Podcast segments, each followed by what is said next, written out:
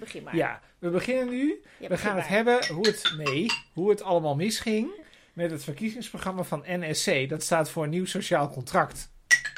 Nou, hier zijn we weer. Dit is eh, de podcast Hoe het allemaal misging. Met Chris en Tink. Ja, nou, het was een lekker rommelige start. Dat was je eigen schuld. We gaan het hebben over een hele gestructureerde partij. Ontzettend Het gestructureerd. heet NSC. Die afkorting is vrij ellendig, ja, ik merk zeg ik. vaak per ongeluk NCS. NCS. Nee, dat zeg ik niet. Nieuw- Als ik het opschrijf, dan doe ik NCS. En Nieuwe ik dus- Centrumschool. Nieuw Centraal Samenleven. NCS. Je, ik heb vaak dat ik denk, het is NRC. Oh ja. Dat scheelt ook maar één letter. Die N van het logo lijkt een beetje op de N van NRC ook. Ja, ik snap ook niet het logo. Het, het logo verdeelt altijd met mensen. de N is in een vierkantje. En SC staat er dan gewoon achter. Ik snap niet wat dat precies. En de N is dan een. Daar is dan een rondje omheen getekend. Alsof het een soort steen in een vijver is. En dat het steeds de cirkel steeds groter maar worden. Nou, ja. Ja, Ik weet het ook je niet. moet ook wat als je een nieuwe partij begint. Ja, maar hij had toch eens een soort ander logootje wat hij gebruikte? Nee, volgens mij niet. Nee hoor. Ik heb geen ander logo gezien. Ik vind het verder wel mooi. Ik heb wel... Ik dacht het wel. Toen hij, zeg maar... eh, eh, aankondigde dat hij een partij ging beginnen, toen had hij Had een soort briefpapierachtig dingetje. Oh. Dat zag er anders uit, volgens Nee, mij. misschien hebben ze er nu gewoon beter over nagedacht. Dat zou kunnen, ja. Het programma heet Tijd voor herstel. Ja, Vertrouwen, zekerheid, perspectief. Zo heet het. Daar moet je lachen, nou, gewoon op de manier waarop omdat je het het zegt. onzin is. Je zei het een beetje alsof je groverd was uit Sesamstraat. Nou, het slaat nergens op natuurlijk. Nee, maar daar moest ik wel om lachen. Oh, Ja, maar ik, ik wil wel even uit het voorwoord. ja, doe jij het voorwoord. nou ja, niet het hele, maar een, een Het voorwoord zegt namelijk altijd heel veel. Je kunt eigenlijk Ja. een partijprogramma kun je begrijpen aan de hand van het voorwoord. Ja, ik moet zeggen dat ik enthousiast was van de eerste helft Van het voorwoord. van het voorwoord. Dus daar ga ik dan maar even Voor voorlezen. de helderheid, het voorwoord is een hele A4, dus het ging naar een halve A4, dus al fout. Ja, Dat zei ik niet. nee, ik zei, dat maakte ik ervan. Ja. Nederland is een schitterend land waar onze ouders en wij zorgvuldig aan gebouwd hebben. De afgelopen jaren hebben we die zorgvuldigheid losgelaten en zijn we de lange termijn de visie vergeten. Het gevolg is dat we van crisis naar crisis gaan zonder er ooit een helemaal op te lossen. Bekende problemen werden toegedekt met als schrijnende voorbeelden het toeslagenschandaal, zwarte lijsten bij de Belastingdienst en de schade van de gaswinning in Groningen. Tienduizenden burgers zijn vermalen door de eigen overheid. Wij lezen graag andere landen de les over mensenrechten, maar die elementaire rechten werden langdurig geschonden in ons eigen land. Een nieuwe beweging opzetten of een functie elders zoeken na de verkiezingen, die keuze was eigenlijk heel simpel. Ik, ik ben nu woorden aan het omdraaien, eh, maar dit is wel wat er staat. Onze eerste prioriteit is het bestuur van Nederland te veranderen, te herstellen. Ons programma begint niet met oplossen voor problemen, maar met oplossen voor het bestuur. Dat klinkt raar met zoveel urgente problemen, maar dat is het niet. We kunnen de problemen namelijk niet oplossen omdat de huidige technocratisch- technocratische manier van bestuur ons juist in de problemen heeft gebracht. We zetten dus een grondwettelijk hof op om grondrechten te verankeren. We voeren een nieuw kiesstelsel in, waardoor volksvertegenwoordigers meer binding hebben met hun eigen regio. We scherpen de integriteitsregels voor politici aan met een draaideurverbod en een afkoelperiode. We hervormen de ambtelijke dienst, we beschermen klokkenluiders en laten de inspecties echt onafhankelijk hun werk doen. En we focussen ons in de Tweede Kamer op wetgeving en controle. Nou, dit, dit vond ik dus positief. En ik, er zijn eigenlijk Drie- eigenlijk al meteen mis. Nee, eigenlijk ja. vier woorden die heb ik zeg maar heel Oh. dik Nou, onderstreept. eens de woorden die je hebt onderstreept. Zorgvuldig, mensenrechten, herstellen en dan grondrechten verankeren. Ja, dit vond ik wel, zeg maar, dit leek me de basis van wat, wat Pieter Omtzigt wil. Zorgvuldig mensenrechten herstellen om grondrechten te, eh, en grondrechten verankeren, zoiets. Je kijkt me heel moeilijk aan. Ja, ik ben het helemaal niet met je eens. Je bent het niet met me eens? Nee, ik ben het eigenlijk niet met je eens. Maar dit staat er wel in deze... Ik vind wel dat deze, dit stukje tekst Ja? zegt alles. Dat vind ik wel. Nou, wat is jouw analyse van dit stukje tekst? Ik doe even. Nederland is een schik. Ik ga nu dezelfde tekst voorlezen, maar nu krijg je mijn commentaar erbij. Ja, ja, ja. Nederland, eerst staat er boven tijd voor herstel. Dan is de vraag: Herstel van wat? Ja, dat zegt hij ook Dat- in de tweede alinea. Dat, nou, dat, daar gaat hij straks iets over zeggen. Wij, Nederland is een schitterend land waar onze ouders en wij zorgvuldig aan gebouwd hebben. De afgelopen jaren hebben we die zorgvuldigheid losgelaten. En dus er was iets zorgvuldig in het verleden Wat er nu niet is meer nu is. er Losgelaten, niet meer. ja. Ik vind dat niet heel duidelijk, maar oké, misschien komt dat in de rest van het programma. En dan staat er iets heel raars. Dan staat er, we zijn de lange termijn de visie vergeten. Dat suggereert dat er in het verleden een visie is geweest. Voor de lange termijn. Ja, die was er vroeger en die is er nu niet meer. En nu hebben we NSC om de visie Voor de lange te termijn. brengen. Ja. Maar dat is onzin. En dat is in zin, dat is serieus zin 2 van het programma. Dat is onzin. Er is, dat, we zijn een democratie. Even met alle nadelen die de, de democratie heeft, kunnen we het over hebben. Maar we zijn een democratie. Daarin hebben mensen verschillende opvattingen over waar het met de Nederland naartoe moet. Dat zien we de hele dag. En dat zijn dus verschillende visies voor de lange termijn. Wat nou? We zijn de lange termijn, de lange termijn de visie vergeten. Wat nou? Ik snap niet wat daar staat. Ik, het is inderdaad heel raar dat er staat. Ik bedoel, ik kan wel, ik kan wel het een en ander bedenken. hoe Ja, dat je kunt het leuk invullen. invullen. Dit is Ja. precies wat er gebeurt. Je kunt het invullen voor jezelf. Dan kun je denken, ja, ja. ja. Maar het is inderdaad zeker voor de tweede zin in het voorwoord een beetje gek. Het gevolg is dat we, dan gaan we, dan doen we de zin daarna. Het gevolg is dat we van crisis naar crisis gaan. Ja. Ja, ik moet nu heel hard nadenken of dat ermee te maken heeft dat we. Kijk, je zou kunnen zeggen, er is geen zorgvuldigheid en dat leidt tot crisis. Dus bijvoorbeeld, Ja, toeslagen en zo, dat is- Ja, ja, dat is onzorgvuldigheid en dat leidt dan tot crisis. En dat zou je ook nog kunnen zeggen over de gasboringen in Groningen. Dit hadden we waarschijnlijk kunnen voorspellen dat dit aardbevingen zou Dat kan ik mij veroorzaken. voorstellen, maar nu komt hij. Dan staat daar achter, dus dat hier kunnen we nog volgen. En dan staat er zonder er ooit één helemaal op te lossen. Nou ja, Maar wij zijn een samenleving, want ik bedoel, het gaat natuurlijk niet alleen maar, dat wordt wel daarna meteen gezegd van het gaat over toeslagen en het gaat over Groningen.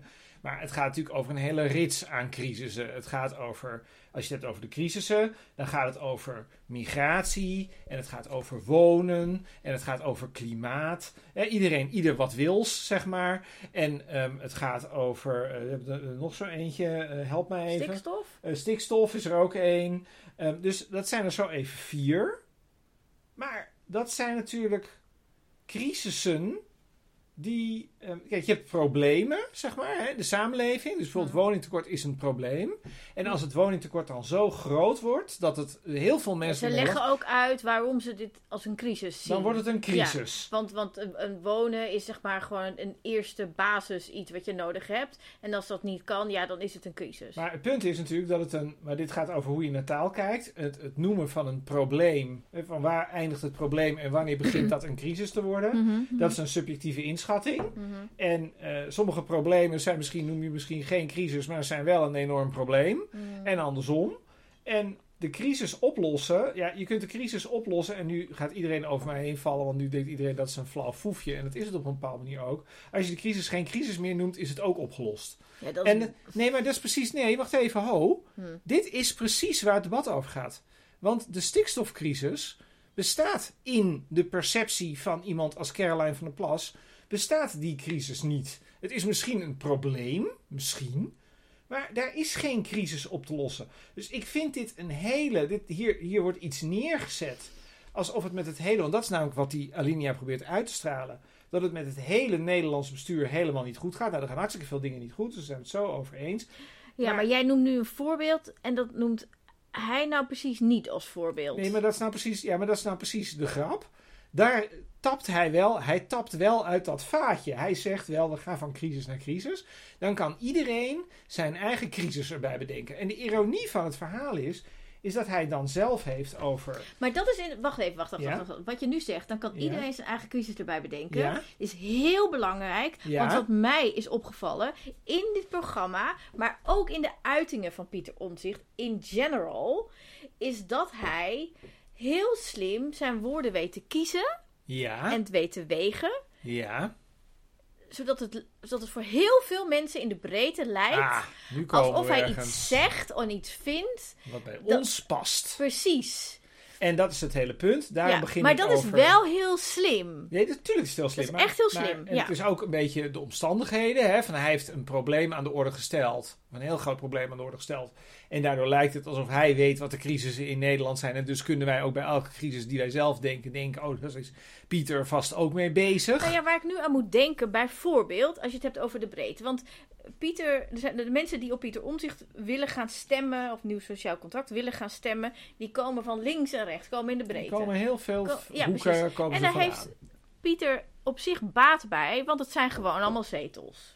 Op bij elkaar opgeteld. Instrumenteel gezien zo'n Ja. hartstikke Ja, handig. precies, precies. Ja, wat je verder met al die, met die achterban moet, dat is een volgend verhaal. Mhm. Want je gaat natuurlijk mensen teleurstellen als mensen in, zo, in die breedte, zeg maar, allemaal denken dat jij er voor hen bent. Ehm, maar voorbeeld. Weet je nog wat wij eh, eh, hebben geschreven en hebben gezegd over jaar 21 en de grondrechten? Eh, ja, de grondrechten worden daar, die worden geschonden. Ja, Ja. zij willen, oh god, hoe, hoe hadden ze het nou, hoe, hoe noem willen nou? de horizontale werking van de Precies. grondwet afschaffen. Precies, precies. Ja. En wat betekent dat nou? Dat betekent dat zeg maar de grondrechten, hè, dat, dat, dat de overheid zich daar wel om moet houden, maar de burger niet. Ja. Dus Amnesty International geeft dan als voorbeeld dat de overheid niet mag discrimineren, Maar de dat. burger mag dat wel. En scholen bijvoorbeeld mogen dat dus wel, want dat is Mhm. niet een overheid. Mhm. Pieter Omzicht heeft het hier over mensenrechten, grondrechten verankeren, et cetera. Ja. En zegt tegelijkertijd, ik weet niet meer welk debat of iets het was, eh, dat hij eh, eventueel met jaar 21 zou willen regeren. Wat hier haaks op staat. Wat heel interessant is, want het laat namelijk zien. Jij zegt van deze termen, jij begint met deze termen spreken mij heel erg aan. Maar de vraag is natuurlijk wat die termen precies betekenen. Nou, het, het, het, aardige van, ex- van, van, van precies deze termen, namelijk mensenrechten of Ja. universele mensenrechten en grondrechten, dat staat gewoon op papier. Die kunnen, dat kunnen we er gewoon Nou, bij pakken. Nou, nee, dat, ja, daar heb je op zich heb je daar gelijk in. Maar ik ga, toch even, ik ga toch even iets relativistisch doen. Want we hebben het namelijk over de brede kiezersgroep die heel divers is en hele verschillende ideeën heeft. ja. Kijk, mensenrechten staan hier. Als zij hier zeggen wij, wij, wij schenden langdurig de mensenrechten in Nederland, ja, dan gaat dat over de toeslagen. Dat staat ook in diezelfde alinea, staat dat. ja. Dus daar gaat het over. Maar jij praat bijvoorbeeld heel vaak over mensenrechten. En dan heb jij het over de rechten van vluchtelingen. Ja, het, Nee, ja, maar dat- dat nee, klopt, maar dat dat- dat klopt, is ja. een- dat ja. is een- Maar dat geldt natuurlijk even goed voor de toeslagenaffaire. Nou, ik zeg ook niet, maar het is ook geen kritiek, het is meer een beschrijving. Jij hebt het dan over dat de Vaak. mensenrechten voor de vluchtelingen ook gelden. En hier staat, de mensenrechten zijn geschonden voor de mensen in de toeslagenaffaire. Dat zijn dezelfde mensenrechten, dus dat zijn die rechten die je zou kunnen Ja. opzoeken, zou je kunnen zeggen. Maar tegelijkertijd staat er ook, we zetten dus een grondwettelijk hof op om grondrechten te verankeren. En mensenrechten en grondrechten, die komen heel vaak die, die over, overeen. Maar dat is, dat is denk ik niet het punt. Het punt is dat iedereen toch weer, jij zegt van je kunt dat, hè, je kunt dat, je kunt dat opzoeken, wat dat dan precies is. Hè, Ja. want het is opgeschreven. Ja. Maar het punt is natuurlijk niet dat je dat kunt opzoeken. Het punt is dat de meeste mensen dat niet doen. Dus de meeste mensen horen mensenrechten Ja. en die denken dan, bijvoorbeeld bij de toeslagenaffaire, ik denk de meeste mensen vinden oppervlakkig gezien dat dat fout was. Ja. Maar hoe ver gaat dat dan? Want als je, ik geloof dat ja, en zelfs de algoritmes gewoon wil, wil, wil, wil houden, maar die vinden de toeslagenaffaire ook heel erg. En mensenrechten, ehm, daar heb je natuurlijk meerdere interpretaties van, zeg maar. Ja, nee, dit, is, dit wordt dus lastig, want jij zit al nu heel kritisch te kijken. Er staan wel dingen op papier. Maar heel, uiteindelijk heel concreet staan die op wel, papier. maar je heel interpreteert concreet. natuurlijk uiteindelijk wel. En dan, gaan we even, dan pakken we even een, een maatregel uit dit programma. Hm. Hij zegt, er zit een maximum moet er komen voor migratie. Daar gaan we het over hebben. Nee, Want, dat komt. Maar het punt Ja. is, is dat als je dat serieus neemt... en wij moeten hem serieus nemen, want hij wordt de grootste partij van Ja. Nederland waarschijnlijk... dan, ja, dan, dat betekent volgens mij... dat op een gegeven moment de mensenrechten voor de vluchtelingen op zijn. nou, dat, is betekent dus niet het. waar. Daar gaan we het zo over hebben. Want ik heb, ik heb namelijk sommetjes gemaakt. Ja, dan klopt het wel. Nou, dit is een voorbeeld. Ja? Deze cijfers, deze migratiecijfers, is een voorbeeld van dat heel veel mensen aan die rechterflanken denken: kijk, fijn. Pieter Omtzigt is streng. Die wil maar een Nou, kwart misschien van is wat er helemaal niet binnenkomt. streng. Nou, op vluchtelingenbeleid, dat valt wel mee. Dat valt wel mee. Dat, dat, Ja. geloof, ik, dat geloof ik meteen. Ja, en, maar wat en- hij wel... Nee, maar het want het gaat namelijk over het, migratiesaldo en niet over de hoeveelheid mensen die binnenkomen. Maar het punt is, is dat er gezegd wordt, Hm. en daar zit een spanning in, en Ja. die spanning benoem ik. Er zit een spanning in tussen om te zeggen, aan de ene kant, we moeten de mensenrechten eerbiedigen. En aan de andere kant te zeggen, ja, maar als het er te veel zijn. Nee, Ja. zo staat het er niet in. Nee, zo staat het er niet Nee, in. zo staat het er niet in. Maar dat is wel de consequentie als je zegt, er zit een maximum aan het saldo. Ja, dat, zouden wij ook zeggen als er- Geert Wilders dat zegt. Ja, maar dat staat er dus ook niet. Wat Nee, staat er dan? wil je meteen naar Ja, we asiel? willen meteen naar asiel. Jemig, dat was Want dit niet- is namelijk precies, dit is de kern van oké, wat oké, doen. oké, we gaan, we gaan naar asiel. Wat is dan het punt met Kijk, asiel? kijk, mijn, mijn sommetje. Ja, Dus kom maar, een dus- sommetje. dus- Maak jij... Eh, kijk nu naar mijn we doen nu een... eh, we doen nu, het is jammer dat we nu geen muziekje hebben voor Tinkerbell stelraam. Tinkerbell gaat nu uitleggen hoeveel migranten er met eh, Pieter Omtzigt binnen mogen komen. Ja. Kom maar. Ehm, ik moet het even inleiden, want hij komt zelf ook met cijfers. Ja. Hij zegt: ehm, Het aantal migranten is de afgelopen jaar door het kabinet en planbureau stelselmatig onderschat. Tussen 2002 en 2015 bedroeg het migratiesaldo. Dus dat is zeg maar Hoeveel- optellen, aftrekken, zeg- Ja. van alle mensen die, die vertrekken en die komen. Ja. Eh, gemiddeld 14.000 mensen per jaar. Dit betekent dat er gemiddeld 14.000 mensen meer naar Nederland kwamen dan er naar het buitenland vertrokken. Ja. Sinds 2016 is het migratiesaldo niet lager geweest dan 68.000 mensen per jaar. Dus het is van 14.000 naar 68.000 gegaan. En vorig jaar bereikte het een record van 224.000 mensen. Maar dat is inclusief ongeveer 108.000 mensen uit Dat Oekraïne. is bijna de helft. Dus het is zeg maar in totaal is het dan zo eh, 200, of 110.000 als je de Oekraïners eh, niet mee, meetelt. Dat is natuurlijk eenmalig. Waarschijnlijk dat er zoveel komen. Ja, zo ongeveer de helft is, nu- is Ja. Oekraïne. Ja. Ja. Zonder maatregelen blijft het migratiesaldo de komende jaar boven de 100.000 personen per jaar. Het gevolg is dat de bevolking groeit tot ver boven de 20 miljoen inwoners. Bladibladibla. Oké, goed. Dus ik dacht, maar wat betekent dit nou? Want het saldo zegt eigenlijk niet zoveel als je niet weet hoeveel mensen er binnenkomen en hoeveel er weer naar buiten gaan. Dus, en en Ja. ik maak me dan vaak zorgen over vluchtelingen. Ja. Hè, kunnen die nog naar binnen? En wat, Ja. wat, hoe, hè, hoe gaan we daar dan over? Nou, hij zegt in ieder geval... Hierbij past naar onze mening, als het hebt over, over migratie, een richtgetal voor migratiesaldo van maximaal 50.000 per jaar. Maar hij zegt ook, als het er meer zijn, omdat er een crisis is of weet ik veel wat, dan moeten we dat op dat moment gaan bekijken of we dat aankunnen en hoe we dat gaan doen. Dat is, dus dat is de opening. Goed. De Je cijfers... kunt, je kunt alles een crisis noemen, dus je kunt altijd een opening vinden. Hè? Dat is hier de consequentie van. Eh, nou, ik... Syrië was ook een crisis. Eh, ja. Dat is weer wat ja, verder ja, ja, weg, precies, maar precies. is ook een Nou, ik crisis. heb even gekeken naar de cijfers van Ja, kom op. 2022. Ja. Ehm, toen zijn er eh 180.000 mensen vertrokken. Ja. Eh, en een jaar eerder was het 145.000. Dus er zijn eh, hon- 35.000 mensen meer binnengekomen hè, tussen 2020 Ja. en 2021. En misschien heeft dat te maken met, met corona. Dat zou ik me voor kunnen stellen. Dat er een stijging is. Goed. Ehm, er kwamen 403.000 mensen naar binnen. Dus het is ongeveer twee keer zoveel mensen binnen dan naar buiten. Eh, maar van die 403 waren er dan 103 uit Oekraïne. Of 108 uit Oekraïne. Ja? Ja. Het aandeel Ja. ehm, asielzoekers ja. is eh 35.000 aanvragen, waarvan er 30.000 ehm, eh, een verblijfsstatus hebben gekregen. Dat betekent Ja. dus dat 1 op de 3, sorry, 1 op de 7 asielzoekers mag niet blijven. Ja. 6 van de 7 zijn echte vluchtelingen. Ja. Dus dat betekent dat, dat er eh, in 2022 403.000 mensen binnen zijn gekomen, waarvan slechts 30.000 asielzoekers Ja. en 180.000 mensen vertrokken. Ehm, en dat betekent als je op basis van de eerdere cijfers en, en als het als het asiel ongeveer hetzelfde blijft, wat, wat Ja. denk ik, nou ja, dat is moeilijk te voorspellen, maar waarschijnlijk is dat Nou ongeveer ja, als er geen hetzelfde crisis is, dan blijft het waarschijnlijk hetzelfde. dan is er dus naast die asielzoekers nog ruimte voor ruim 150.000 immigranten.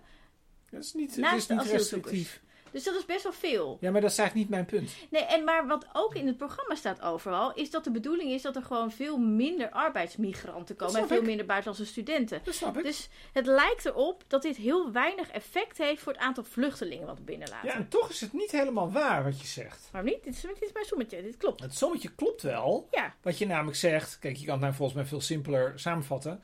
Je kunt gewoon zeggen, nou, we hebben ongeveer, hè, laten we uitgaan van 30.000 asielmigratie per jaar. Nou, er mag een overschot zijn van 50.000 van Pieter, hè, dat is het richtgetal. ja. Dus dat betekent dat eigenlijk er 20.000 mensen, naast al die asielzoekers, mogen er nog 20.000 mensen extra Nee, komen. 150.000. Nee, wacht even.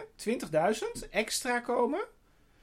Plus hetzelfde aantal als wat vertrekt. Ja, 180.000. Dus ja, en als er ongeveer dus bijvoorbeeld, 100 als er dus in een jaar 180.000 mensen vertrekken, mogen er dus 200.000 plus die 30.000 asielzoekers komen. Ja, Maar het punt is, dat was, eigenlijk niet mijn, dat was eigenlijk niet het punt wat ik probeerde te maken over die mensenrechten. Het punt is, Hm. is dat er wordt gezegd dat er uiteindelijk een beperking kan zijn. ja, dat Dat klopt. zegt hij. Dat klopt. En dat is dus iets anders dan het. Nou, ik zou bijna zeggen, jouw standpunt, wat jij al weken met veel verven verdedigt, wat ik jij elke keer tegenspreek. Jij zegt, die mensenrechten van die asielzoekers, die zijn absoluut. Dat is wat jij zegt. Want de mensenrechten gelden voor iedereen. Nou ja, Dus die gelden ook wat- voor de wat- asielzoekers. Wat in de universele verklaring van de rechten van de mens staat, is dat mensen, iedereen, waar dan ook ter wereld, altijd het recht heeft om Ja, asiel je. aan te vragen. Niet om het te krijgen, Ja, maar je. wel om het aan Maar te vragen. maar wat, je dus zegt, wat je dus zegt is, is dat dat een recht is van die mensen. ja, En dat wij daar gewoon aan moeten voldoen. Dat is jouw positie. Punt. Wij moeten ze die procedure insturen. ja, maar En dan is het natuurlijk de vraag hoe je die proce- procedure invult, Nee, bijvoorbeeld, waar. en hoe, hoe je daarop toetst. Allemaal waar. Maar als er dus heel veel asielzoekers hier naartoe komen, Hm. dan moeten al die mensen hebben nog steeds recht om het asiel aan te vragen. Ja. En om die procedure te lopen en op een eerlijke beslissing. Dus dat kan betekenen Hm. dat dat veel meer mensen zijn dan nu. Dat, Dat kan. kan. Dat kan. Dat kan. Zeker. Bij een crisis kan dat. ja, bedoel, Nou, we, hebben, we hebben nu een oorlogs... En, dus, dus, En hij zegt wel van nou, bij een crisis dan zou dat, hè, dan zouden we een, eh, dan, eh, dan zou dat ruimer kunnen zijn. Ja, Maar ja, misschien hebben we helemaal geen crisis nodig. Al- Als we dit, als we dit even eh, doorrekenen, Hm. dan zou je kunnen zeggen, of doorexerceren, dan zou je kunnen zeggen, nou ja, iedereen die binnenkomt die asiel wordt aanvragen, dat is een mensenrecht, die moet die procedure in. ja. Dan zeg jij, op basis van de oude gegevens weten wij dat zes zevende van die groep, het merendeel van die groep mag blijven. ja. En ik, het enige wat ik constateer is, is dat er op een gegeven moment een klad komt in het, in het richtgetal van meneer Omzicht. Want het kan zijn dat als dan het overschot, hè, na al die Mhm. asielzoekers, al die mensen die weggaan en er weer bij komen, en de studenten en de arbeidsmigranten, als er dan uiteindelijk een overschot is wat meer dan 50.000 is, dat dat programma niet zegt, maar eh, corrigeer me als ik het verkeerd zeg, dat het programma niet zegt, dan zullen wij nog steeds alle asielaanvragen eerbiedigen op de manier zoals in de mensenrechten is omschreven. Dat staat er niet. Laten we even kijken. Nee, dat staat er. Nee, dat staat we er gaan niet. even, we gaan even, naar, we gaan even naar, de, naar de, de uitvoering, zeg maar. Ik heb kijken. We hebben een aantal dingen onderstreept met eh, vraagtekens. Ik heb één hartje en ik heb een chagrijnig kijkende smiley. Nou, kom erop. Dat is een eh, vreemde Ja, combinatie. De, Ja, de invoering van het twee-statusstelsel. Nou, dat. dat, dat eh, dat is een twee, een twee... Dan moet je even uitleggen, denk ik, want dat weet niet iedereen. ja, dat er, dat er twee verschillende soorten vluchtelingen, zeg maar. mensen die permanent mogen blijven en Nederlander kunnen worden... en mensen die tijdelijk asiel krijgen. Ja, en precies. En dat hebben wij eerder moeten. gehad. En er zijn andere landen waar dat is. En het is een slecht idee. Dus eigenlijk alle experts zeggen niet doen, slecht idee. Dus ik vind het heel raar dat het in dit programma staat. Nou, dat is restrictief dat is de bedoeling, want er zijn kiezers die dan kunnen denken dat Pieter Omtzigt restrictief eh, beleid ja, maar als je, als je nieuwe bestuurscultuur wil en, en dingen beter wil organiseren en dat dit zeg maar uit de praktijk is gebleken dat het niet goed werkt, vind Ja, ik het raar dat het in het programma staat. Ja, maar dit vind ik een beetje een gekke opmerking. Oh. Ehm, dat kan wel zo wezen, maar wat goede bestuurscultuur is en wat, wat, wat werkt, zeg maar, is altijd een opvatting. Dus daar is geen objectiviteit in. Je- jawel, Nee, want nee. elke expert zal je dit vertellen. En dat is wezen, best maar- practices, zeg maar. en weet je wat het weten is? Ja, hier zijn wij En we het- hadden dit zelf ook. wij zijn het hier steeds niet over eens, maar het enige wat ik tegen je zeg is, is dat ik heel makkelijk kan zeggen tegen zo'n expert die dat zegt, ik ben het daar niet mee eens. En dan, ben ik, dan is het weg. Ik ben wel met je eens dat als experts dat massaal zeggen, dat dat niet erg logisch is om dat in te voeren. Dat kan nee, ik je wel zeker volgen. niet, omdat Pieter Omtzigt juist stelt, we moeten naar experts luisteren. Ja, dus dat komt beetje, meer malen terug, zeg maar, in dit programma. Dat is, ja, dus dit, dat dit hier staat als eerste ook is tegenstrijdig. Maar dat is natuurlijk niet zo gek, want je kunt niet. Het is toch een programma van 80 pagina's. Hè? Hij noemt het hoofdlijnen, maar het zijn 80 pagina's. Er zijn ergere. Er zijn, zijn zeker, ja. er zijn zeker ergere programma's dan dit. Maar ehm, dan kan je wel zeggen van ja, ik wil naar experts luisteren. Maar er staan toch wel behoorlijk veel dingen in dit programma, ontzettend veel onderwerpen, waar je dan eigenlijk allemaal de experts zou moeten raadplegen. En het is natuurlijk gewoon niet gebeurd. Want het is gewoon niet te doen. Laat staan acht weken. Misschien. Maar ik vind het dan heel raar, want dit, zeg maar, als je het Dit programma maakt... bekend is. Dit is heel bekend, dus het is heel raar. En zeker dat je er dan mee begint. Dus ik Maar sorry, begrijp ik denk, dit het niet. klinkt gewoon Dus- lekker restrictief. Nou ja, dus Pieter, als je luistert, ik snap dit niet. Pieter heeft gelukkig geen tijd voor ons, maar Pieter, Nee, ik- dit is een beetje gek. Iver luistert vast. Iver zegt het tegen Pieter. Ehm Iver is de vrouw van Pieter ja, Iver is heel, heel leuk. Ik ben heel dol op Iver. Ehm, even kijken. Het tweede wat ik heb onderstreept. In Nederland willen we de asielketen beter laten werken... waardoor doorlooptijd in asielprocedures worden verkort... en er minder rechterlijke dwangsommen verschuldigd zijn. Nou, dit lijkt me een uitstekend idee. Ehm, Wordt al twintig jaar geroepen, hè? Nee, dat ja, is... dat, wordt al twintig jaar geroepen. Iedereen roept, de asielzoeker, de, de Maar niet, eh, dat- eh, niet- sneller. Ja, het staat nou, sneller, staat er. Ja. Sneller. Nou, ik Veel- weet, niet, ik weet niet wie dat sinds... het- Ik heb dan nooit een politicus tegengekomen die zei... laten we eens wat meer tijd nemen voor de asielketen. Dan krijgen we ook zorgvuldigere beslissingen van. Dat zegt zelfs GroenLinks en Bijeen zeggen dat niet. Nee. Dat is toch een punt hier. Ehm, Willen Europese aanplak, bladibla. Nou, dat is, dat is allemaal niet zo interessant. eh, want dat wil... Ja, goed. eh, dat willen heel veel mensen. en dat is ingewikkeld. Eh, veel migranten verblijven in een veilig land voordat ze naar Nederland... Oh ja, hier heb ik vraagtekens bij. Veel migranten verblijven in een veilig land voordat ze naar Nederland komen. Dit wordt nadrukkelijker betrokken bij het beoordelen van asielaanvragen. Mocht het niet lukken om tot goede regelgeving te komen die werkt, overwegen wij met andere EU-landen afspraken te maken over binnengrenzen, binnen Schengen, of zelfs in uitgeval een opt-out van het Europees beleid. Nederland beziet ondertussen met een voorhoede aan Europese partners de mogelijkheden van een koerswijziging om te komen tot een humaner, rechtvaardiger en effectiever asielbeleid. Ik begrijp echt niet wat hier staat. Heerlijk! Ik, ik, ik, dit is één. Abracadabra is het. Mogen we het ontleden? Ja? Ja. We gaan het even ontleden. Veel migranten verblijven in een veilig land. Nou, het is het hoofdstuk asielbeleid, dus ik, ik Het gaat over asielzoekers. Hier wordt asielzoekers bedoeld. ja. Voordat ze naar Nederland komen. Maar bedoelt Pieter nou Dublin bedoelt hij. Denk ik. Ik denk dat hij bedoelt dat In er binnen- mensen in binnen EU Duitsland al, zijn. En dat asielzoekers die in Duitsland zijn. Of door Duitsland gereisd zijn. Dan naar Nederland komen. Dan in Nederland een aanvraag doen. Terwijl ze in Duitsland al waren. En dat in Duitsland hadden moeten doen. Maar- Dit is wat ik denk. Ja, maar hoe het in de praktijk werkt. ja, Ja. is op het moment dat je ergens wordt geregistreerd. Hè, dus, dus, dus je bent. Duitsland is een slecht voorbeeld, want mensen die in Duitsland zijn, willen daar echt niet meer weg. Ehm, nou, we maar- komen uit België. Nee, ook slecht voorbeeld. Frankrijk gebeurt vaker. Want. Frankrijk is namelijk heel slecht voor Ja, asielzoekers. dus mensen willen van Frankrijk Nog- hier naartoe. Nog vaker Griekenland of, of Dus Italië. stappen van Frankrijk, ze stappen op de Thalys, ze stappen in Amsterdam uit en gaan Nou de ja, als je al in. Frankrijk zeg maar geregistreerd staat en eh, dan komen ze achter, want je, je, je vingerafdruk is daar, dan ga je gewoon terug naar Frankrijk. Want Frankrijk is een veilig land en het ingewikkelde aan asielprocedure in Frankrijk is dat er gewoon nog minder capaciteit is dan hier. Dus je moet tering lang wachten en die onzekerheid duurt zo lang voordat je überhaupt je aanvraag in behandeling wordt genomen. Dat is, Maar die mensen in Frankrijk hebben dus een probleem. Die zitten eigenlijk in de verkeerde procedure, zou je kunnen zeggen. ja, het duurt gewoon heel lang. Maar ja. dat, dan, staat Ja. hier dus iets heel ingewikkelds. Ja, maar dit gebeurt dus al. En dan het andere, en wat ik denk dat hij bedoelt. Dus ik denk eigenlijk, want mensen in Nederland hebben het eigenlijk nooit over Frankrijk. Want waar gaan mensen in Frankrijk naartoe? Waarom belanden asielzoekers in Frankrijk en staan die vingerafdrukken daar geregistreerd? Omdat ze naar Groot-Brittannië willen en bij Calais over de oversteek willen maken. En dat lukt niet. Dus worden ze opgepakt. Asiel, de, de, eh, Ja. dus de- dat is eigenlijk wat er gebeurt. Ehm, veel vaker komen mensen hier die eigenlijk al asiel hebben gekregen in Griekenland bijvoorbeeld. Maar die gaan daar weg omdat Griekenland, ja, als je daar eenmaal asiel hebt gekregen, krijg je niks. Dus dan belanden heel veel mensen op straat. En dat is natuurlijk niet wat je wil. Je zoekt ergens een veilig onderkomen en je belandt op straat in Athene. Dat is niet cool. En zeker niet als je kinderen Want die bent, mensen hebben hebt. dan daar asiel gekregen, maar krijgen eigenlijk verder niks. Dan Dat mogen ze daar wel blijven, maar Klopt. dat hebben ze gewoon pech.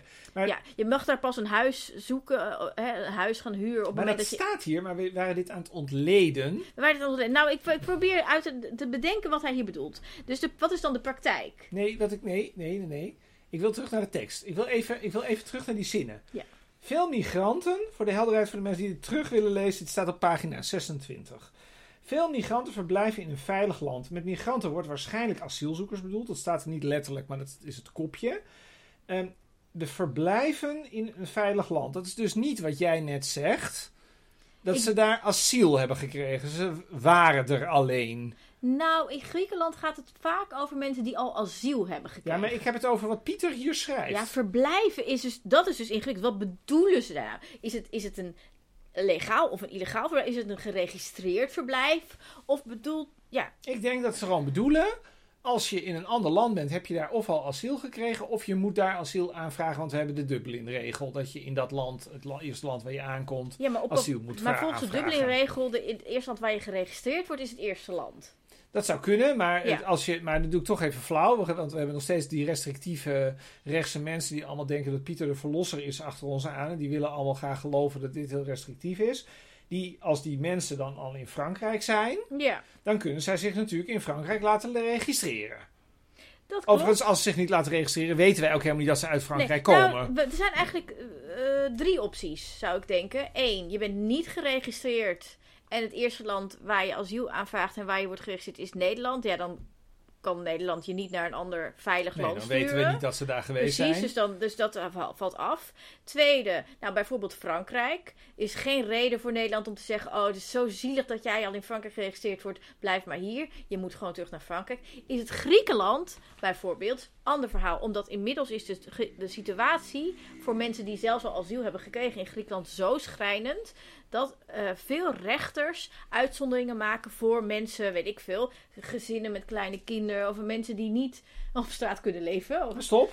en die Ja. mogen wel Maar blijven. nu is het leuk. En nu gaan, we even, nu gaan we dit even doen. Dus zeggen we, we gaan even uit van wat jij nu zegt. Mhm. We hebben asielzoekers die asiel hebben gekregen in Griekenland, maar het is daar erbarmelijk. Dus die mensen willen eigenlijk toch hierheen. Dan Ja. gaan we de tekst nog een keer lezen. Dan gaan we weer. Veel migranten verblijven in een veilig land. Nou ja, Griekenland is een veilig land, jammer. Voordat ze naar Nederland komen. Dit wordt nadrukkelijker betrokken bij het beoordelen van asielaanvragen. Oh ja, dus dan. Wat staat, nee, maar wat staat hier nou volgens jou over dat Griekse gezin wat al asiel heeft in Griekenland? Wat, wat staat hier? Dat wordt nadrukkelijker betrokken bij het beoordelen van de asielaanvragen. Ja. Het zegt namelijk niks. Wat hier staat is, is hoe het proces loopt. Ja. Er staat niet over hoe er een beslissing wordt Nee, genomen. dat klopt. Ik weet niet zo goed waarom zou je Griekenland erbij betrekken. Dus misschien dat ik wel dat ze toch iets anders bedoelen. Ik begrijp echt niet wat. Mocht het niet lukken, maar nu wordt het nog leuker. De volgende zin. Mocht het niet lukken om tot goede regelgeving te komen, die werkt. Overwegen we met andere EU, dan gaan we iets doen in Europa. Mocht het niet lukken om tot goede regelgeving te komen die werkt. Wat staat daar? Ik heb geen idee. Ik denk dat daar staat. Nee, dat, jij, Want je jouw antwoord weten- is terecht. Nee, want je moet weten, de goede regel- regelgeving waarvoor. Dat weten Nee, we dat namelijk klopt. niet. Nee, ja. dat- ik denk dat ik het wel weet. Ja, ik jij zegt het goed, want dat staat er gewoon niet. Maar ik denk dat mensen die aan de rechterkant zitten en kriti- kritisch zijn over migratie hierin lezen. Dat hier staat, als wij die mensen niet, Willen? eh, niet willen. Dan En er komt weg. geen regelgeving waarmee we die mensen weer naar dat andere land kunnen sturen. Dan moeten we het anders gaan doen in Europa. Ik denk dat dat is wat er staat. Volgens mensen. Jouw interpretatie klopt. Ja, Er dus staat dit is, niks. Dit is lucht, hè? Er staat lucht. Dit is lucht. En dit is wel, maar even nog een keer. Dit gaat wel over die mensenrechten van jou. Hè? Nou, het, het, het, het eindigt met. Nederland beziet ondertussen met een voorhoede aan Europese partners de mogelijkheden van een koerswijziging om te komen tot een humaner, rechtvaardiger en effectiever asielbeleid. Ik begrijp ook niet wat er met effectiever wordt bedoeld. Nou, Effectiever, effectiever voor wat of voor wie? Nou, ja, effectiever is. Nou, ik zal toch even. Ik zeg het even mijn rechtse pet op. effectiever betekent dat je er meer kwijtraakt. Maar dat is effectiever. Er staat hier ook in dezelfde zin humaner en rechtvaardiger. Ja, maar rechtvaardiger kan ook betrekking hebben op Nederland. Dat weten we niet.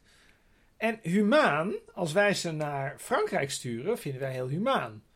Want dat hebben we gewoon gedefinieerd als humaan. Ja, dan kun jij wel zeggen dat dat, dat, dat ellendig is in Frankrijk. Maar er staat niet humaan, er staat humaner.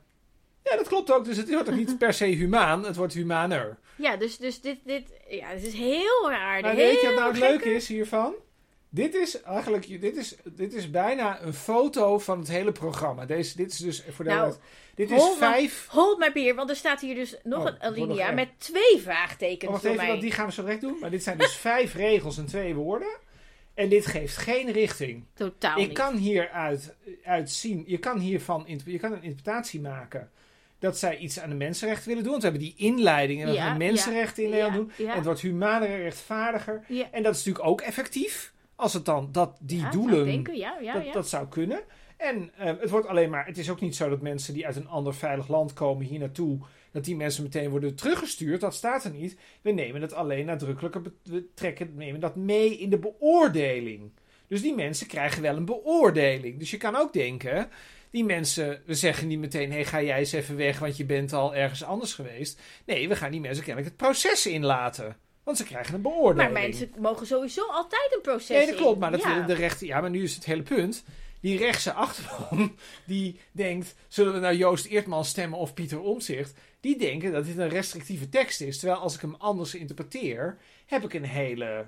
Nou ja, ik wil nou niet zeggen: het is geen GroenLinks bijeen, maar het is toch een, een, een best een aardig coulante tekst voor asielzoekers dan. Het is niks. Het is lucht. Nee, dus het kan allebei. Dus het, je kunt hierin lezen wat je erin wil lezen. Ja. Lees erin wat je erin wil lezen. Ja. Jij vindt Pieter Omtzigt goed, dus ik zou zeggen... als jij er nou een humane interpretatie van maakt... ik ga geen Pieter Omtzigt stemmen. Ik ga ook geen Pieter oh, Omtzigt dan stemmen. denk ik dat het een vreselijke... Ja, sorry Pieter. Sorry Pieter. Nee, ja, ik En vind nog een- heel leuk. we doen maar- nog even, om dit af te maken... doen wij nog even een andere leuke alinea met vraagtekens. Ja, ja, oh, ik heb, nou goed, ik heb meer dingen, maar ehm, oké, vraagtekens. Het terugkeerbeleid voor afgewezen asielzoekers moet stringenter worden uitgevoerd. Wat betekent stringenter? Ik denk stringenter. Stringenter? Want ik ken dat woord niet. Jawel, strenger. Het terugkeerbeleid voor afgewezen moet strenger worden uit... Ja, het wordt strenger. Stringenter. Of stringenter betekent volgens mij meer volgens de regels en strenger. Volgens mij is het zoiets. Bij onvoldoende medewerking en ongewenst gedrag wordt sneller ingezet op een zwaar inreisverbod en detentie. Bij daderschap is intrekking van de verblijfsvergunning onder omstandigheden mogelijk. Dit kan wegens gevaar voor de openbare orde en na veroordeling voor bijzonder ernstige misdrijven. Wij willen dat hier meer op wordt toegezien. Ook willen wij dat huiselijk geweld een grond kan worden voor intrekking van de verblijfsvergunning. Heb Die laatste zin is volgens mij gewoon iemand die aan het hobbyen was en die dacht het klinkt wel leuk. We doen voor huiselijk geweld, dat hoort, moet er expliciet bij. Het punt is. Ja. Kijk, Pieter wil de mensenrechten waarborgen en de grondrechten verankeren. Ja, en en et net in de inleiding Ja, gelezen. Ja, ja, ja, Op het moment dat iemand een verblijfsvergunning heeft gekregen, een asielzoeker. Ja. Een verblijfsvergunning betekent dat een asielzoeker dus een vluchteling is. En dus hier komt omdat hij van een plek komt waar het onveilig is. Ja. Wij mogen bij wet, en eh, dat, is in, dat, is, dat staat in de Universele Verklaring van de Rechten van Mensen, je mag mensen niet sturen naar een onveilige plek. Dus dan kun je wel zeggen, dan wordt de intrekking van de verblijfsvergunning, dat kan. Maar het is een vluchteling uit een gebied waar je dus Niemand wil deze waar iemand gevaar, hebben. nee, waar iemand gevaar loopt, want Ja. dat is namelijk al vastgesteld, anders krijg je niet die verblijfsvergunning. Dan maak je iemand dus illegaal. Ja, en volgens mij kan dat niet. Dat klopt. Dat kan niet. Dus dat is onzin. Dus dat kan niet. Ehm, want volgens mij hebben we dan gewoon zeg maar het strafrecht. Want iemand die heeft namelijk een misdrijf gepleegd. En die moet voor de rechter Ja, komen. maar dat is dus ook. Maar dit is dus het punt. Dat staat, hier staat dus ook weer iets wat rechtse mensen fijn vinden. Want dit, is, dit klinkt heel streng. Zeg maar, hè? alle criminele asielzoekers het land uit. Dat staat hier eigenlijk met hele nette bewoordingen, toch? Ja. Dat staat er. Maar het punt is natuurlijk dat dat terugkeerbeleid. en daar, daar zijn wij het waarschijnlijk helemaal niet over eens. Maar dat terugkeerbeleid dat is een ramp, want een hele hoop mensen keren niet terug. En als je dat nou wel wil. Ja, dat terugkeerbeleid dat is inderdaad een ramp, maar dat, en dat is om verschillende redenen. Nee, maar het Ja. gaat, we willen niet alle punten pakken. Maar als dat terugkeerbeleid een ramp is en je komt niet van die mensen af, om het maar even onaangenaam te zeggen. Dan staat hier niets waaruit blijkt dat we onder Pieter Omzicht wel van die mensen afkomen. Nou, maar er is Dat nog iets raars. Er is nog iets raars. Maar want dit ben je met me eens dus. Ja. Dat staat er niet. Maar het raar is, het begint met het terugkeerbeleid voor afgewezen asielzoekers moet stringenter worden uitgevoerd. Ja, bij onvoldoende medewerking en ongewenst gedrag wordt sneller ingezet op een zwaar inreisverbod en detentie. Maar het dus- inreisverbod is ook raar, want ze zijn hier al. Ja, dat klopt. Eh, maar een, een inreisverbod, het- stel je komt hier eh, vanuit Marokko. Marokko. Dat is moeilijk om terug te, terug te sturen, maar het gebeurt. Ja, Ja, goed. ja. Iemand wordt er Want dan teruggestuurd. geven ze een inreisverbod. Ja, volgens mij is dat, Zo. is dat ook helemaal niet eh, abnormaal. Volgens mij gebeurt dat vaker. Ehm, en detentie. Inreisverbod is dus uitgezet. En inreisverbod en detentie. Dat is wel veel. En een beetje tegenstrijdig. Maar nee, goed. dat is niet echt tegenstrijdig. Of je kunt van ze af en je stuurt ze naar Marokko en dan zeg je... eh, Oh, wil waarschijnlijk is niet... detentie totdat iemand wordt uitgezet. Zo, ja. nee, of, of je kunt die mensen niet uitzetten en dan doe je detentie. Maar dat is ook ingewikkeld, want er zijn dus heel veel landen die mensen niet terugnemen. Dus dat betekent dus als je hier bent en je en ik, ik ken echt best wel veel gevallen van mensen die mee willen werken, zelfs aan terugkeer naar het land van herkomst. Maar het land van herkomst accepteert niet dat mensen terugkomen. En dan moeten ze dus in detentie, nou, dat, is toch, be- dat zou toch belachelijk Ja, zijn? maar ik denk dat dat, gebeurt wel... trouwens in de praktijk wel vaker. de, Maar dat- ironie is, de ironie is, ik denk dat in dit programma staat dat deze mensen dan... Ja, dat is trouwens niet waar, dat, dat- want wat staat er? We gaan weer even terug naar de zin. Bij ongewenst ge- onge- onvoldoende medewerking, dus aan de terugkeer... ja. en ongewenst gedrag wordt snel ingezet op zwaar inreisverbod en detentie. Maar, Maar die mensen die jij noemt, die willen wel meewerken en die Ja. zijn niet ongewenst aan het, zich aan het gedragen. Plus, definieer die worden ook niet weggestuurd. Plus, het kan ook zijn dat iemand wel een verblijfsstatus krijgt, omdat iemand echt een vluchteling is en ongewenst gedrag vertoont. En dan moet je dus ongewenst gedrag gaan definiëren van vanaf waar is ongewenst gedrag voldoende voor uitzetting naar een gevaarlijke plek. Nou, een beetje, ik wil best, wil best een beetje meevoelen met Pieter. Je kunt natuurlijk niet alles definiëren in zo'n programma. Dus eh, gewoon ongewenst gedrag. Ja, Gewelddadig gedrag of zo, zoiets.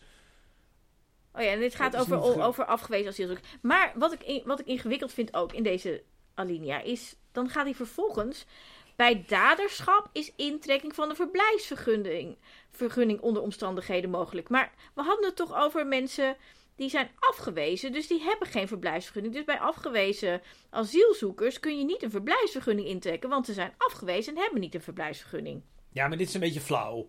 Nee, dit staat Dat is gewoon hier. heel, ja, dat staat er wel, maar het is een beetje flauw. Ze heel kort tijd gehad voor het programma. Ehm, dus dan lopen de dingen wel eens door elkaar.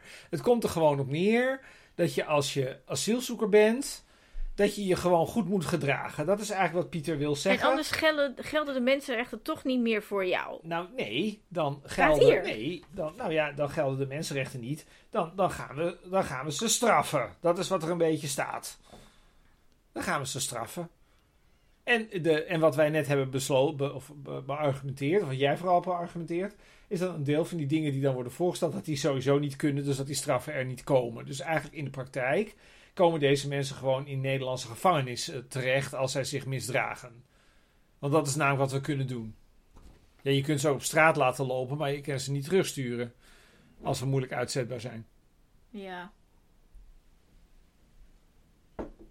Ja, ik, ik heb nog meer onderstrepen, we hoeven niet alles te doen. Maar nou ja, we is- hebben ook nog goed bestuur. Nou, er is nog eentje, zeg maar, die wil ik wel even... Meer focus is nodig op het huidige jongvolwassenbeleid. We gaan reëler eisen stellen aan de jongvolwassenen waarbij de bewijslast kan worden omgekeerd. Ik vraag me af de bewijslast van wat? Ik begrijp helemaal niet waar het over gaat. Het gaat over mig- gezinsmigratie. Er is meer focus nodig. Er is meer focus Wat dan is het huidige jongvolwassenenbeleid. Betekent dat- Nu gaan we even, nu gaan we even, dit is ook leuk hè, bestuurscultuur. Nu is dit, stel dat dit in het regeerakkoord staat, dan moet dus, dit zit bij justitie geloof ik toch, Mi- migratie en zo. Dat zit allemaal bij justitie. Ja. Ja, nou, dan moet het dus, dan, dan denkt zo'n directie bij justitie, wij moeten meer focus hebben op het jongvolwassenenbeleid. Wij stellen daar een extra ambtenaar voor aan. Nou, misschien moet ik even de hele. Ja, god. Door de invoering van het twee-statenstelsel, wat dus een heel stom idee is, zullen voor de categorie vreemdelingen met de status van subsidiair beschermden voortaan voorwaarden aan gezinshereniging worden gesteld in de periode dat sprake is van een verblijfsvergunning asiel bepaalde tijd. Oké, Ehm, dit snap ik nog wel. Eh, want het is iemand die mag dan dus eh, tijdelijk hier blijven in, een twee-statenstelsel. Dus ik snap als je tijdelijk mag blijven, dat het dan dat je andere eisen stelt aan gezinshereniging. Tegelijkertijd is er gewoon het recht op gezin staat in de universele verklaring van de rechten van de dat mens. is ook heel gek. En dat is dus wat Pieter heel belangrijk vindt. Ja, dat zegt hij ook. Ja, en dan staat daarna: voor de andere categorie vreemdelingen die de status van vluchteling hebben, is het recht om familieleden te laten nareizen beperkt tot het kerngezin. Dat is al maar dat is al zo. Dus ik weet dat Dylan Jessielkus die zegt dat stapeling, maar dat is niet waar. Dat kern- ligt dat is ook interessant. Dit kerngezin kan niet bestaan uit meerdere gezinnen. Nee, dat klopt. Nee, dat is ook al zo. Ja, We willen, we willen de naleving hiervan de handhaving hierop versterken. Maar, maar dat hoeft niet, want het is al zo. Ja, dus dat is heel Ja, raar. maar weet je wat dit nou eigenlijk mijn vraag is eigenlijk? Mag ik naar een andere vraag toe? Ja, Want we hebben wel redelijk dit besproken, denk ik. De vraag is eigenlijk, wat zegt dat nou eigenlijk, dat dit daar dan toch in staat? Dat is natuurlijk de vraag. weinig kennis. Nou, ze hebben experts geraadpleegd, het staat in het programma. Ja, maar de- niet hierop, denk ik. Niet goed. Want dit is echt bullshit. Ja. Dit is, dit is echt heel raar. Als je, als je hier, weet ik veel, een, een paar eh, experts asielrecht op had gezet, want dat lijkt me logisch. Als En asielrecht ze en hebben acht migratie. weken de tijd gehad voor het programma. Ja, maar er zijn gewoon experts asielrecht en migratie en die kunnen in Kun acht weken in dit, dit, dit eh, kunnen. En de- stuur het ze even, weet ik veel. Stuur Wil Wil Eikelboom dit bestandje en vraag aan hem. Goh, wil je even niet. naar kijken? En je krijgt binnen een uur, krijg je het terug, vol met rode strepen. Weet je wel, op de middelbare school, hoe je dan... Maar dit is ook helemaal de bedoeling natuurlijk ook niet. Daarom is het een beetje gek eigenlijk dat wij dit zo bespreken. Dat jij, net, jij doet net alsof Pieter Omtzigt dat helemaal volgens de regels wil doen. Dat is wat hij wel zelf suggereert. Ja, maar dat weet niemand. Dus Die dat maakt helemaal niet uit. Hij wekt die suggestie. Ja, maar jij doet de hele tijd alsof een suggestie wekken serieus is. Nou ja, ik wil graag Alsof mensen serieus nemen. Ja, nee, dit, dit wordt misschien wel de grootste partij. En Ja, maar ik vind het wel belangrijk om het wordt misschien wel onze nieuwe minister-president. Ik zou graag serieus nemen wat hij op papier zet. Ja, ik weet het niet hoor. Ik denk, ik denk het is gewoon heel snel in elkaar geflanst. En het, het, Acht weken is best wel lang. Het zijn 79 pagina's. Come on. En de helft is plaatjes. nou, niet de helft. Nou ja, goed. Er, zijn, de er staan dat plaatjes Dat is niet waar. Maar ehm, het is een relatief korte tekst. Ik bedoel, D66 schrijft veel meer. Ja, Volgens mij GroenLinks PvdA ook. Ehm, volgens mij Partij voor de Dieren ook trouwens. Schrijft volgens de mij allemaal meeste meer. partijen schrijven meer. schrijven meer. Ehm, maar zij willen, en dat, wat, wat ik er vooral interessant aan vind, is dat dit dus een van de kerndingen is. Kijk, je kunt natuurlijk in het programma, je kunt er allerlei dingen uithalen over, nou, zullen we eens zeggen, over de digitale omgeving en de leefomgeving en zo. Maar dat is natuurlijk niet waar deze partij voor is. Deze partij is natuurlijk voor een paar punten. Ja. En ehm er zat natuurlijk eerst de bestaanszekerheid en het goed bestuur. Hm. En toen is daar later migratie aan toegevoegd en het wonen. En dat hebben ze natuurlijk met een reden gedaan. Dat ze natuurlijk dachten, dat is wat de mensen in Willen. Nederland graag willen horen. Ja. En de mensen willen in Nederland natuurlijk niet, ja, sorry. eh, de meeste mensen willen natuurlijk niet jouw verhaal en het verhaal van Wil Eikelboom over migratie horen. Dat willen de mensen niet. Want die mensen zitten al bij bijeen en bij GroenLinks en bij de dieren en bij de SP en bij, Ja, de, maar bij daar allemaal zit linkse dus de clubs. frictie. Want Pieter Omzicht claimt op basis van expertise en op basis van het recht een programma te presenteren. Ja, maar het is veel erger. Daarom wil ik eigenlijk een beetje vogelvluchtje doen, omdat het anders heel erg lang wordt. Maar bijvoorbeeld, hij zegt ook het bestaanszekerheid. Maar de grote vraag is natuurlijk, wat staat er nou eigenlijk in dit programma? Wil je even over de, door het bestaanszekerheid ding heen gaan? Nou, even heel kort. Ja, kom maar. Wat, wat staat erin? Nou, ik, nee, het punt is eigenlijk, bij bestaanszekerheid ik kan eigenlijk... Ik heb dit een paar dagen geleden gelezen. En dat vind ik altijd fijn. Hm. Want dan selecteert het een beetje uit. Want ik vind het flauw. Kijk, in feite hebben we net iets gedaan. Ik vind dat eigenlijk flauw. Maar het is ook wel weer illustratief hoe we dat dan deden.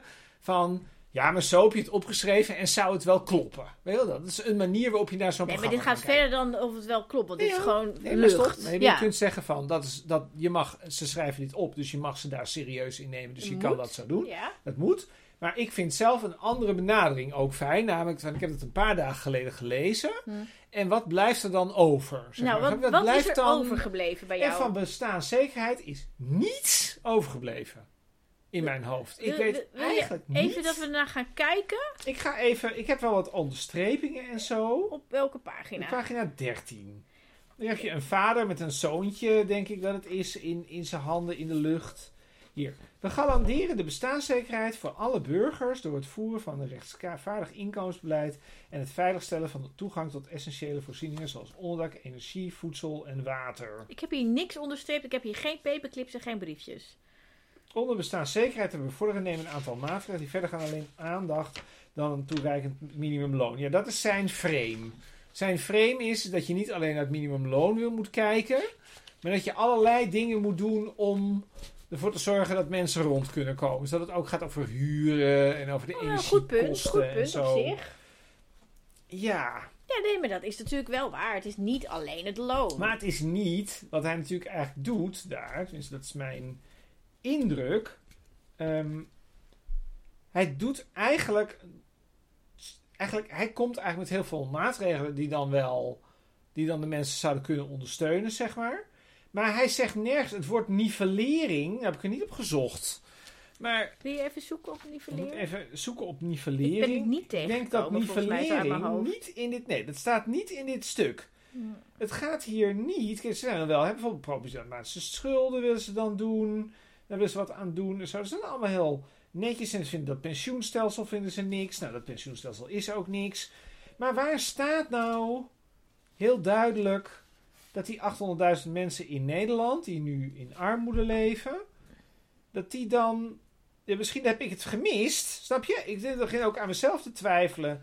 Dat ik denk, ja, Speciale verantwoordelijkheid, ja, dan gaat het dan over Caribisch Nederland. Zit even op armoede te zoeken. De armoede afneemt. Er is toch sprake van een groot probleem. Zegt hij dan, ja. Ja. Maar waar staat dan... Het is aan het huidige zelfs moeilijk om uit de armoede te geraken door meer te gaan werken. Ja, dus hij wil een prikkel op werken. Dus dat je niet al je toeslagen en al je regelingen kwijtraakt als je een klein beetje meer gaat werken. Dus dat dat gaat lonen Ja, voor en de je mag mensen. dan ook, weet ik veel, je ouders eh, Gemeentelijk in huis armoedebeleid. nemen. En dan hoef je dat niet, dat gaat niet van je De, uitkering af. Hier, dat dingen. kostenpost, dus de schaarste aan woningen. Dus dan zegt hij eigenlijk, het komt ook door de woningcrisis dat die mensen dan zo arm zijn. Dat is natuurlijk op zich ook wel zo. Voor een deel wel, ja. Veel mensen waar. betalen, de helft van hun inkomen gaat aan, aan huur. Nou, en mensen of, die of- chronische gezondheidsproblemen hebben, ja, die komen ook in de armoede. Ja, dat is ook zo. Steeds meer mensen krijgen door een sterk stijgende energieprijzen te maken met energiearmoede. De overheid moet bij een sterk stijgende energieprijs kunnen ingrijpen, prijsplafond en inkomenssteun geven aan kwetsbare huishoudens. Ja, dus hier staat wel inkomenssteun. Veel mensen kunnen de verwarming simpelweg niet nog lager zetten en veel simpele besparingsmaatregelen zijn in de praktijk al getroffen. We gaan energiearmoede tegen door gemeenten in staat te stellen om energiebesparende maatregelen te vergoeden. Maar dat moeten de gemeenten dan doen. Ja, dat lijkt me. Dat, dus dan hebben we tot slot nog één keer. Oh ja, dat is dan, gaat dan over ontwikkelingssamenwerking. Er staat acht keer een soort armoede in. Nou, ik zit heel erg te wachten in op. Moet de bijstand niet gewoon omhoog? Dat zou wel helpen voor heel veel mensen. maar, dat is, denken, maar ja. daaraan zie je natuurlijk dat het is wel interessant wat hier gebeurt. Ja, Ik zeg niet dat hij, hij is niet ongevoelig voor die armoede. Dat is hij niet. Dus het is geen VVD wat we zitten te lezen. Maar dat, ja, het, het zijn best wel recht. Het is toch een beetje rechtsig hoe dat dan opgelost moet worden. Snap je? Dus we gaan iets doen. De huizenmarkt moet eigenlijk beter functioneren. Ja, dat mag waarschijnlijk van hem dan niet, meer- zeggen. En de energie, daar moet dan wel ingegrepen worden. Maar dat kan dan ook weer deels van de gemeente. En het gemeentelijke armoedebeleid is ook wel belangrijk. En werken moet lonen en zo. Maar waar staat nou dat de uitkeringen in Nederland te laag zijn? Dat helpt toch ook voor de bestaanszekerheid. Dus het is wel een hele specifieke invalshoek die je kiest. Ja. Terwijl dat de indruk wekt, en dat is dan zijn we eigenlijk weer terug bij het eerdere probleem. Hij wekt de indruk dat het best wel een links programma is. Want het gaat over bestaanszekerheid. Ja, volgens En mij hij heeft hij de term soort van hip gemaakt. Ja, en hij doet ook meer dan de VVD. Dus in die zin doet hij ook wel dingen. Maar het is niet moeilijk om meer te doen dan maar de het is VVD. niet moeilijk om meer te doen dan de VVD. Nee, nee. Maar in die zin, dat programma dat wekt allerlei indrukken. Maar hij doet dat eigenlijk heel erg op zijn imago, doet hij dat. Snap je?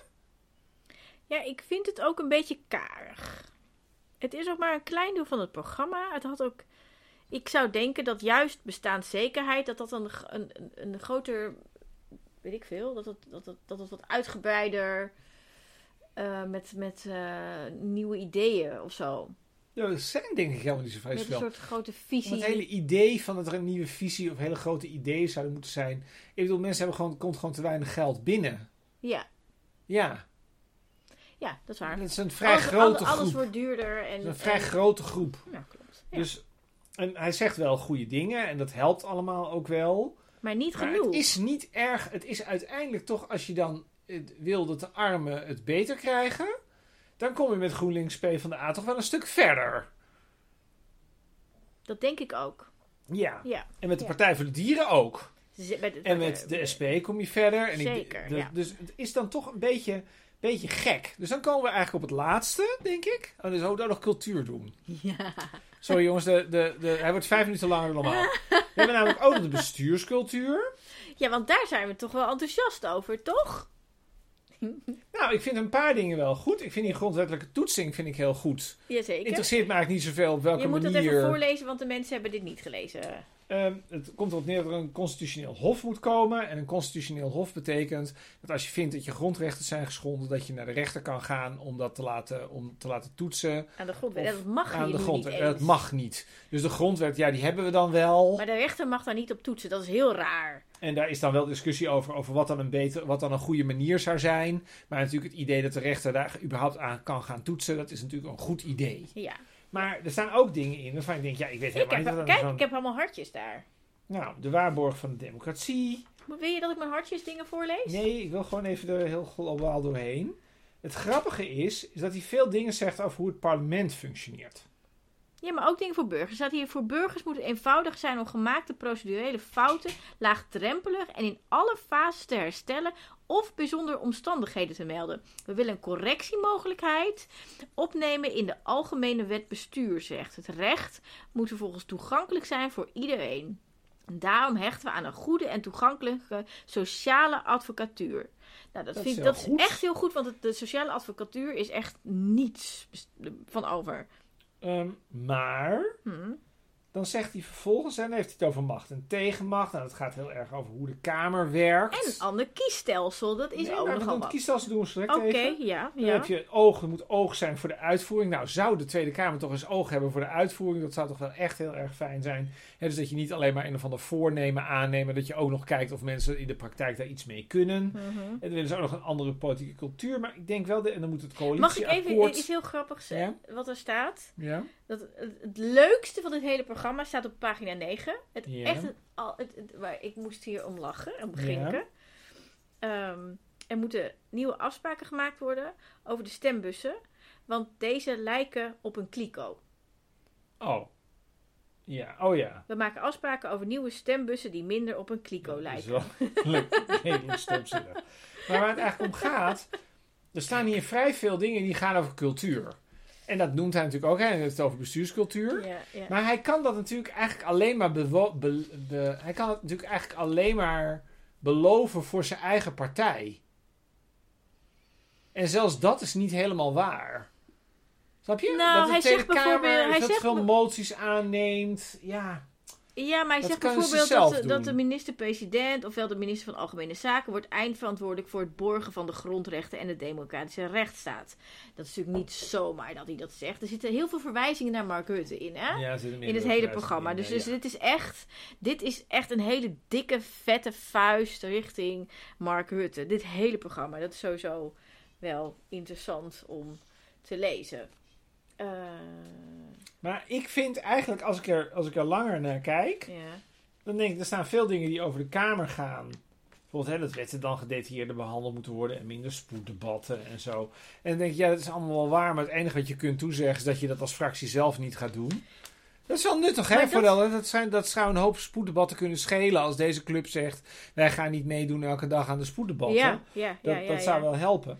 Maar dat is natuurlijk nog dat is niet Nou, echt waar ik hem op zich, dat zou kunnen dat hij dat doet. Dat zou wel interessant zijn. Net als dat hij dan nu bijvoorbeeld niet naar de grote debatten op televisie gaat met z'n allen. Ja. Die zegt fuck you. En dat dan van Timmermans eh erachteraan eh, huppelt van oké, dat doe ik ook niet mee. Eh, Nee. Wat ook wel echt. Maar dan heb je eigenlijk, wat blijft er dan over? Dan blijft eigenlijk die grondwet, die, die grondrechten blijven over. En je hebt dan, dan komen we bij jouw punt, dat kiesstelsel. En dat kiesstelsel is natuurlijk eigenlijk een heel raar ding. Wat hij heel voorstelt. ingewikkeld, is het? Nou ja, wat hij voorstelt. We willen de band tussen kiezer en Kamerlid versterken door een ander kiesstelsel in te voeren met meervoudige kiesdistricten. In dit Niemand stelsel. Wordt een vast aantal, we denken aan 100 tot 125 kamerzetels, aan districten toegedeeld. Nou ja, laten we zeggen provincie of, of eh, gemeente. Dat zou een district kunnen zijn. Twents is dit. Elk kiesdistrict stuurt zijn eigen volksvertegenwoordigers naar Den Haag, waarbij districten met veel kiezers, dus bijvoorbeeld, weet ik veel, Amsterdam. Den Haag en. Rotterdam. Precies, die hebben meer dan Enschede. Elk kiesdistrict stuurt zijn eigen volksvertegenwoordigers naar Den Haag, waarbij districten met veel kiezers meer Kamerleden kunnen afvaardigen dan regio's met minder kiezers. De overgebleven zetels worden zo toegewezen dat er sprake blijft van een evenredige vertegenwoordiging. De zorgen van mensen uit alle delen van het land worden zo beter, in- beter gehoord Nou. in het parlement. Nou, ik, Ik snap niet wat hier staat hoor, met die evenredige vertegenwoordiging. Want het lijkt niet tot evenredige vertegenwoordiging. Nou doen ze in Duitsland wel iets so- soortgelijks. Dan heb je zo'n soort combinatie. Het wordt er niet echt overzichtelijker op. En wat natuurlijk gek is, is dat dit nu opeens gaat het over regio. Terwijl het gaat dan eigenlijk over bijvoorbeeld... Stel dat jij in, eh wat is het ook weer, Emmen woont. Dat je dan een treintje krijgt naar Stadskanaal. ja. Dat is dan, en dat er dan een Kamerlid is bij jou uit de buurt die dat dan in Den Haag kan bepleiten. Dat er Terwijl dat toch gewoon is. gemeentelijke of provinciale Nee, politiek wel zou landelijk, moeten dan moet zijn, gewoon- toch? dat is-? Nou ja, als de Neder-Saxe lijn wordt aangedaan, zo heet dat ding. Als dat wordt aangelegd, dat kost natuurlijk een paar miljard. Dus dan moet dat wel, Oh ja. dan moet dat door Den Haag. Maar het punt is, dat staat eigenlijk al op de... Dat is een beetje een soort overaccentuering van dat de regio heel belangrijk is. Ja. Terwijl wat ik denk, is ja, je hebt natuurlijk heel veel ook minderheidsgroepen die ook allemaal wel een vertegenwoordiger willen. Je kunt natuurlijk ook zeggen, daar krijg je ook een betere vertegenwoordiging van. Dat is ook veel simpeler. Je kunt ook gewoon zeggen, van, je kunt voorkeurstemmen veel zwaarder laten tellen. En dan moeten al die VVD'ers, die nu als anoniempjes op die, die 80 mensen op die lijst... Ik zie hier Die nog moeten iets. allemaal veel harder aan de bak. Ik zie hier allemaal. nog iets. Er komt een, een wetenschappelijke standaard over wanneer modellen gebruikt kunnen worden voor beleid en wanneer niet. En dat is dan heel raar, zeg maar, voor dat twee-statenstelsel in, in migratiebeleid. ja, maar dat is niet volgens de wetenschap, eh, Tink. Nou, dat Nee. weet ik zo net niet. Nou, ik, echt ik lees het onderzoek. programma van Ja, maar nee, maar er is echt heel veel onderzoek naar gedaan. Ik Ja, weet niet. Nee, het klopt niet, want het is gewoon... Kijk, er is, dit is een wetenschappelijk verantwoord programma en er is met experts gepraat. En ja, dat kwam er niet uit, dus dat valt buiten de norm. Nee, Je kijkt mij nu aan alsof Ja. dat niet waar is, maar dit is gewoon waar. Ik heb het gewoon uit het programma gehaald. Er zijn experts geraadpleegd. Oh, dat hij zelf zegt dat hij... Ja, dat zegt hij toch? Ja, maar... Nou, dat- twee staat. maar Dat klopt we- gewoon niet wat jij zegt. als je dat een kan niet expert raadpleegt, dan kom je niet tot dat stuk tekst. Ja, maar dat kan Gewoon niet, want het is, er wordt hier wetenschappelijk, een wetenschappelijker kijken. Dus Ja, wetenschappelijke wil jij nou zeggen? standaard. Wil ja. jij nou eigenlijk zeggen dat er geen wetenschappelijke standaard is gehanteerd in het ja, programma? ja, dat wil ik zeggen. Oh, nou, ik vind het wel een hele Ja. grote aantijging. Ja, en er staat er dan hier ook nog: de Kamer moet meer gebruik maken van experts, denktanks en mensen uit praktijkervaring door hoorzittingen, ronde tafels en eigen onderzoek een vaste plek te geven in het wetgevingsproces. Kunnen alle Kamerleden al elke dag op eigenlijk totaal vrijwillige basis doen. We gaan naar kunst en cultuur. Als een soort sluitstuk. Ik zal toegeven, ik dacht, je moet even zoeken ondertussen. Ik heb, Ik- oh, jij bent er al. Dus Oh, ik de sterretjes, oh. ik heb sterretjes. Oh, ja. ik dacht, er staat helemaal niks over kunst en cultuur in het programma. Heb je daar overheen gelezen? Daar heb ik echt overheen gelezen. Dat staat beetje verdekt misschien. Terwijl er net zo weinig in staat over kunstcultuur als bij GroenLinks PvdA. Oh, dus je bent eigenlijk even beroerd uit met kunst en Nou- cultuur bij Pieter Omtzigt als bij Frans Timmermans. In zeg maar eigenlijk de voorstellen lijkt het een beetje op elkaar en zou ik het ongeveer gelijk schalen. Ja. Ehm, maar er is één ding eh, waar ik dan toch een beetje hoop uitputte. En dat staat niet in het onderdeel over kunstcultuur. Oh. Dat staat in, eh, is het nog inleiding? Ik denk het wel. Is het voorwoord, is het inleiding? Ja, zie in de inleiding. Oh, dus het is heel belangrijk. Dat is echt de- belangrijk. Oh nee, dat is niet waar. Nee, het is ehm, goed bestuur. Oh, Nou, dat is het belangrijkste. ja, oké. Dus het hoofdstuk, het belangrijkste hoofdstuk van Pieter Omtzigt, de allereerste regel. Nou, kom de op. eerste zin. Kom op. Een van de oudste niet-religieuze serie muurschilderingen van Italië ja, Ja. bevindt zich in het stadhuis van de stad Siena. Ambrogio Lor- Lorenzetti, ik ben altijd heel slecht met namen uitwekken, schilderde een voorstelling van goed bestuur waarin hij illustreerde dat deugden als sterkte, voorzichtigheid en rechtvaardigheid leiden tot een samenleving in evenwicht met een bloeiende economie, bedrijvigheid en goede oogsten. Nou ja, dat kan natuurlijk de luisteraar kan dit niet zien, maar ik heb het even uitgeprint. Kijk, Chris, dit is het kunstwerk. Is een hele Ik grote vind het een heel lelijk plaatje komt nu eh, aan Het inbod. een Ja. hele Heel lelijk plaatje, ja. En ehm eh, dit is helemaal niet lelijk. Dit is, lelijk. Dit is waanzinnig. Dit is waanzinnig. Dit is heel Ga groot. verder. Dit is echt meters. Het zal wel, maar het is nu op een heel klein A4'tje geprint, dus ik zie dat toch niet. Wat wil je daar nou mee zeggen? En de boodschap, ik ga ik even dus voorlezen. Regeer met wijsheid onder de bescherming van de christelijke deugden. Opereer ten gunste van de vrede en de rijkdom van de stad, maar altijd met vaste hand. Nou, wat ik. Ik, kan, ik, ik google het werk en, en weet ik het. Wat ik er zo bijzonder aan vind, is dat ik wel vaker bij lezingen en presentaties en dingetjes ben geweest van, van Pieter Omtzigt. En hij gebruikt dit werk, en het is trouwens een serie. eh, dus hij, ik heb hem ook wel eens een ander werk uit diezelfde serie ehm, zien gebruiken. Ja, Ehm, hij gebruikt dit om goed bestuur uit te leggen. ja, ja. Dus hij gebruikt de kunst, de illustratie, om zijn, om zijn punt te maken. En hij toont het aan, hij is geïnspireerd duidelijk. Het is heel belangrijk voor hem, want hij komt steeds terug op dit kunstwerk. Dus dan zou je denken, Pieter snapt dat de kunst heel belangrijk is Nou, voor de verbeelding, Daar gaan we. et cetera. We gaan nu dus in die 60 seconden gaan we nu de die kunst heeft doen. een reden om de kunst ontzettend belangrijk te vinden. Want de kunst is Daar voor we. hem persoonlijk heel 60, belangrijk. 59. Nee, doe normaal. Hou op, Oh, hou op, hou op, hou op. Ja. Nu heet het, het onderdeel van dit programma waar de kunstcultuur in zit, identiteit en cultuur. En daar word ik dan meteen dan wel een beetje kriegelig van. Nou. Omdat, eh, ja, dan begint hij over burgerschap en, en wat dat dan betekent en de Nou, regionale mooi, ja. talen. Ja, Maar goed, dan komen we toch op het cultuurbeleid. Twent, Dat, Sallands. dat is bij elkaar, nou, toch twee derde van een A4'tje. Dat is ongeveer, dat is volgens mij, Evenveel als de P van de A. ja, Ja. dat is hetzelfde. en GroenLinks ja, ja, samen. Ja. Ehm, Kom maar. ja, ik ben even aan het kijken wat nou... Ja, wat is nou eigenlijk de kern hiervan? Nou, de inleiding daarop is... De democratische rechtsstaat die is gebaseerd op een vrije samenleving... ehm, is met vallen en opstaan tot stand gekomen. En veel mensen hebben hiervoor inzet gepleegd en offers gebracht. Wij willen dat er meer aandacht komt in het cultuurbeleid voor regionale geschiedenis... en voor mensen die zich hebben ingezet voor vrijheid en verdraagzaamheid. Dat is niet... Dus het cultuurbeleid is niet voor kunstenaars. Ehm, musea, tentoonstellingen en openbare archieven verdienen financiële steun in het cultuurbeleid. Hier worden de verhalen verteld en gedeeld van mensen en groepen die nu land- en lotgenoten zijn. Ja, op zich is dat waar. Maar dan is de vraag, wat ga je dan voor de kunst Kom op, wat gaan we nou eigenlijk doen? Want het is een erg lange aanleiding. Ja. Nou, er komt een Nationaal Historisch Museum. Het, dat, is, nou ja, dat, is, dat is goed. Eh, het cultuurbeleid ondersteunt de instandhouding van het nationaal cultureel erfgoed.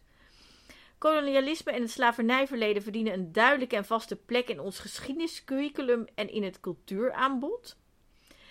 We hebben oog voor de betekenis van moderne kunst. Aha, dus dat is hedendaags. Want modern is niet per se hedendaags. Betekenis van moderne kunst en cultuur voor de leefbaarheid en aantrekkelijkheid van steden en dorpen. Hedendaagse kunstenaars inspireren hun omgeving met schoonheid en een creatieve blik op de toekomst. Het is heel matig. Maar goed, we erkennen het belang van cultuureducatie en participatie en stimuleren dat jongeren al op school in aanraking komen met kunst en cultuur, waarbij naast basisvorming ook nadrukkelijk ruimte moet zijn voor het ontwikkelen van talent. Kunstenaars moeten in staat worden gesteld om een eerlijke boterham te verdienen. Ja, en dan iets met nationale en streekproducties. Dat is allemaal belangrijk. Er moet een fonds voorkomen. Uh, herverdeling. Oh ja, herverdeling van middelen voor kunst en cultuur. Waarbij er extra inzet nodig is in het landelijk gebied. Maar dat is natuurlijk bullshit. Ik snap dat je cultuur, zeg maar, dat je beschikbaar wil maken overal. Maar er is natuurlijk logischerwijs meer aanbod op een plek waar veel mensen wonen. Want je hebt publiek nodig. Ja, maar dus, BBB. Dus er wordt heel veel zeg maar, ingezet op uh, kunstenaars en, en, en uh, cultuurmakers moeten meer geld verdienen, meer publiek.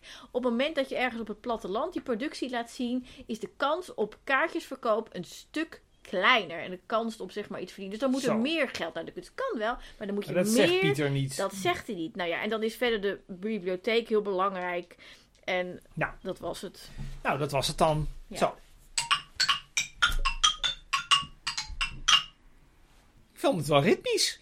Ja, je gaat vooruit. Ik ga vooruit. We gaan aardige dingen zeggen. Ik ga aardige dingen zeggen over Rosanne Herzberger. Nou, waarom in godsnaam? Nou, ik vind Rosanne Herzberger leuk. Waarom in godsnaam? Nou, ik kom Rosanne Herzberger één keer per jaar tegen. Altijd in de trein. Hmm. En Rosanne Herzberger is gewoon heel aardig. En het is een vrije denker. En dat is ontzettend leuk. Want daar hebben we er veel te weinig van in het land. Dat is het. Ja, ik vind het uh, leuk dat ze op de lijst staat. En ik denk dat het heel leuk is dat ze Kamerlid wordt straks. Ik heb er wel zin in. Hmm. Je kijkt mij aan alsof je het niet gelooft. Ja, nee, ik geloof dat, je, dat, dat het, het lijkt me hartstikke leuk. Ik ben helemaal maar waarom voor. lijkt het je zo leuk? Nou, gewoon leuk. Iemand met een beetje originele blik af en toe. Ik ben het er niet altijd mee eens, maar dat geeft niet. Oké. Okay. Kijk, het probleem in Den Haag is natuurlijk dat er veel te veel saaie mensen rondlopen. Er zijn ontzettend veel saaineuzen op die, op die, op die lijst. Mm. Of tenminste, niet alleen, maar ik bedoel wel een paar mensen die je denkt, nou, dat is wel heel saai. Het is ook leuk als gewoon kleurrijke mensen in de Kamer komen. Nou, Rosanne is kleurrijk, heeft kleurrijke meningen. Ik vind het echt een aanwinst. Oké. Okay. Goed voor de herkenbaarheid van de politiek. Oké. Okay. En ik gun haar een succesvol Kamerlidmaatschap. Oké, okay, oké. Over wie ga jij iets aardigs zeggen? Um, we praten zo meteen verder over. We, we gaan zo verder praten, maar nagesprek, eerst ja. even ja. Ik, uh, heel origineel heb ik. Heel origineel. ik ga het aardig zeggen over Pieter Omtzigt. Wat slijmjurk, ja. ga maar. Ja. Nou, um, we, zijn, uh, we, hebben, we hebben niet voor niks gewacht met het lezen van dit programma tot bijna tot aan de verkiezingen. Want iedereen had het over het programma. Wij dachten van nou, we gaan lekker eerst andere programma's doen. Oh. Toch? Ja, ja dit verder. hebben wij besproken. Ja. Dus, dus we lezen het nu pas. Um, terwijl ik oh best wel nieuwsgierig was, maar we moesten andere dingen eerst lezen. En, uh, ik was door alle publicaties en door van alles en nog wat, dat ik dacht, oh god, wat dit wordt een drama. Dit is een ramp en wat erg. En ik vind het al ingewikkeld, want ik mag Pieter heel graag. Maar het is ingewikkeld als je iemand heel graag mag, maar het eigenlijk chronisch oneens bent met iemand. Vind ik lastig. Um, maar ik vond het eigenlijk heel erg meevallen wat ik las. We hebben, even voor de we hebben hier dus nu de afgelopen vijf kwartier alleen maar zitten praten over dat het allemaal onzin is. Maar Pieter, het valt allemaal best nee, mee. ik vond het meevallen. Ik, ik, ik, wat ik niet goed vind, is, is zeker het stuk over asiel. Ik ben Ik ook niet blij je. over de kunsten. Maar uh, over het, het verhaal over bestuurscultuur. En we moeten dingen. Hier kun je leuke. Zullen we concluderen dat je als je deze podcast Mm. zou, zou verknippen, Ja. dat je daar toch een wat verwarde indruk maakt? Ja, dat geloof ik, ja. Nou, Ja. misschien was mijn, gewoon, mijn verwachting heel laag. Eh, Nou, die kan Eigenlijk Pieter door alle publicaties. dat, was, dat was zo. Mijn verwachting was, was gewoon niet zo best. En ik ben, ik ben nog steeds niet lyrisch over dingen. Nou, om de dingen die we net hebben besproken. Maar ehm, de reden dat ik eigenlijk aardige dingen over Pieter wil zeggen... is, is niet eens het programma. Het is meer dat ik... Jemig, die man die heeft gewoon zoveel ellende, zeg maar, gehad daar in, in Den Haag. En, en zoveel haat en zoveel... ehm heeft natuurlijk lang thuis gezeten met een burn-out. En het, ik ben niet jaloers, zeg maar, op, Ja, op ja. zijn positie. Het lijkt me gewoon dat hij het zwaar heeft. En ik vind het Oh. best wel dapper. Het is nog ook. helemaal niet begonnen. Nee, maar gewoon het gegeven dat hij nu al toch, zwaar. toch, zeg Oh ja. maar, eh, een partij heeft opgericht. En dat het tot nu toe in de aanloop, dat, hij, dat het, lijkt dat er redelijke mensen op die Hij lijst heeft natuurlijk staan. nu ook, ik ga nu een grapje maken ter afronding. Hm. Hij heeft natuurlijk nu wel hulp van Rosanne Herzberger. en wij gaan nog even doorpraten. Ja, we gaan nog Ja, even we gaan nog doorpraten. even doorpraten. Over andere kandidaten van eh, het eh, nieuws, eh, sociaal, contract. Ja. Dat zijn er 44. Eh, dat doen wij in ons, in ons nagesprek. En nou kun je, als je het nou leuk vindt om dat te horen. En ehm eh, Tinkerbell gaat onder andere renten over.